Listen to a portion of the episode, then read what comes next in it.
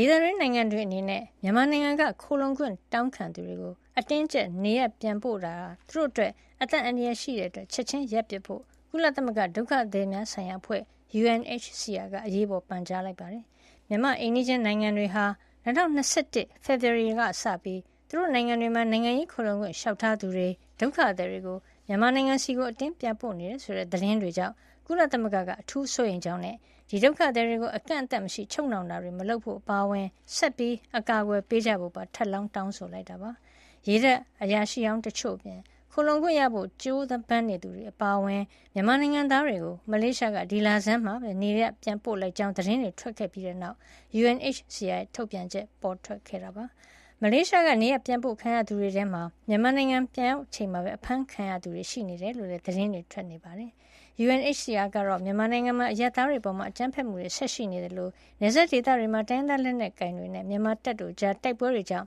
နယ်စပ်ကျော်ဖြတ်ထွက်ပြေးနေကြရတာဖြစ်ပြီးဒီဒုက္ခသည်တွေကိုဒေသတွင်းနိုင်ငံတွေကနေနေခွင့်ပြုဖို့ခိုလှုံခွင့်ပေးဖို့အပြင်အတင်းပြန်မပို့ဘဲအကာကွယ်ပေးဖို့လိုတယ်လို့လည်းပြောပါတယ်။ပြည်ပရောက်နေပြီဖြစ်တဲ့မြန်မာနိုင်ငံသားတွေက သူတို့ကိုနိုင်ငံတကာအကာကွယ်ပေးဖို့တောင်းခံလာရင်လည်းနိုင်ငံအားလုံးအနေနဲ့အတင်းကျပ်ပြန်ပို့ခွင့်မရှိတဲ့နိုင်ငံတကာလိုက်နာရမယ့်ဥပဒေအတိုင်းလိုက်နာဖို့လည်းသတိပေးထားပါတယ်။